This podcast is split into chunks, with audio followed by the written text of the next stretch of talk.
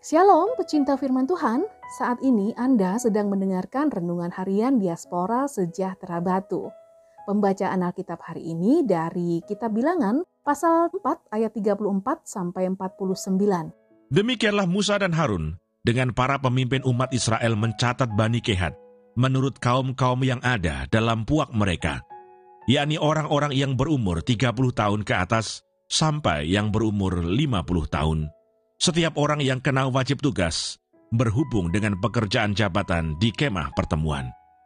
Maka jumlah pencatatan mereka menurut kaum-kaum mereka ada 2.750 orang.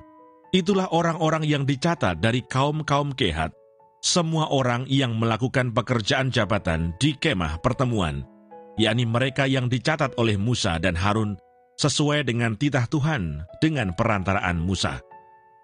Bani Gerson yang dicatat menurut kaum-kaum yang ada dalam puak mereka, yaitu orang-orang yang berumur 30 tahun ke atas, sampai yang berumur 50 tahun. Setiap orang yang kena wajib tugas berhubung dengan pekerjaan jabatan di kemah pertemuan. Jadi mereka dicatat menurut kaum-kaum yang ada dalam puak mereka, berjumlah 2.630 orang. Itulah jumlah pencatatan kaum-kaum Bani Gerson semua orang yang melakukan pekerjaan jabatan di kemah pertemuan, yakni mereka yang dicatat oleh Musa dan Harun sesuai dengan titah Tuhan. Bani Merari yang dicatat menurut kaum-kaum yang ada dalam puak mereka, yaitu orang-orang yang berumur 30 tahun ke atas sampai yang berumur 50 tahun. Setiap orang yang kena wajib tugas berhubung dengan pekerjaan jabatan di kemah pertemuan. Jadi mereka yang dicatat menurut kaum-kaum mereka, berjumlah 3.200 orang. Itulah jumlah pencatatan kaum-kaum Bani Merari, yakni mereka yang dicatat oleh Musa dan Harun sesuai dengan titah Tuhan dengan perantaraan Musa. Semua orang Lewi yang dicatat oleh Musa dan Harun dengan para pemimpin Israel menurut kaum-kaum yang ada dalam buak-buak mereka, yakni orang-orang yang berumur 30 tahun ke atas sampai yang berumur 50 tahun, setiap orang yang wajib melakukan pekerjaan jabatan di kemah pertemuan dan pekerjaan pengangkatan barang, jadi mereka yang dicatat berjumlah 8.580 orang. Sesuai dengan titah Tuhan dengan perantaraan Musa, maka mereka masing-masing dibuat penanggung jawab atas apa yang harus dikerjakan dan diangkatnya.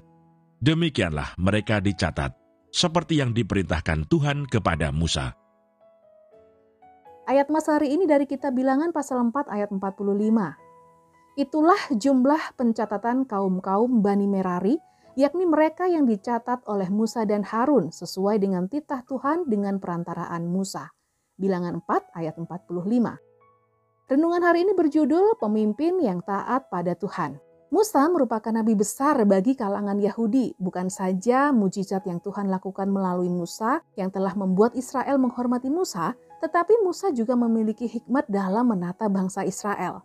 Semua yang dimiliki Musa tidak datang dengan tiba-tiba.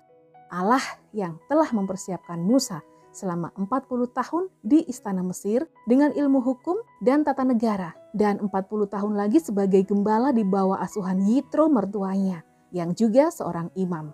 Jadi pengetahuan yang Musa miliki semata-mata untuk kepentingan Tuhan supaya Musa menata bangsa yang baru keluar dari perbudakan di Mesir, yaitu bangsa Israel. Kita melihat Musa merupakan pribadi yang rendah hati, sebab setiap apa yang Tuhan perintahkan, dia berusaha melakukan semuanya dengan sebaik mungkin. Musa adalah seorang pemimpin yang taat kepada Tuhan. Ketaatan tersebut tidak terlepas dari pengalaman bersama dengan Tuhan, sehingga Musa dengan pikirannya yang terbatas telah mengenal Allah yang tidak terbatas. Kiranya kepemimpinan Musa menjadi teladan dalam diri kita, Setidaknya kita dapat merendahkan hati dan melakukan segala apa yang Tuhan inginkan dalam hidup kita dengan sebaik mungkin.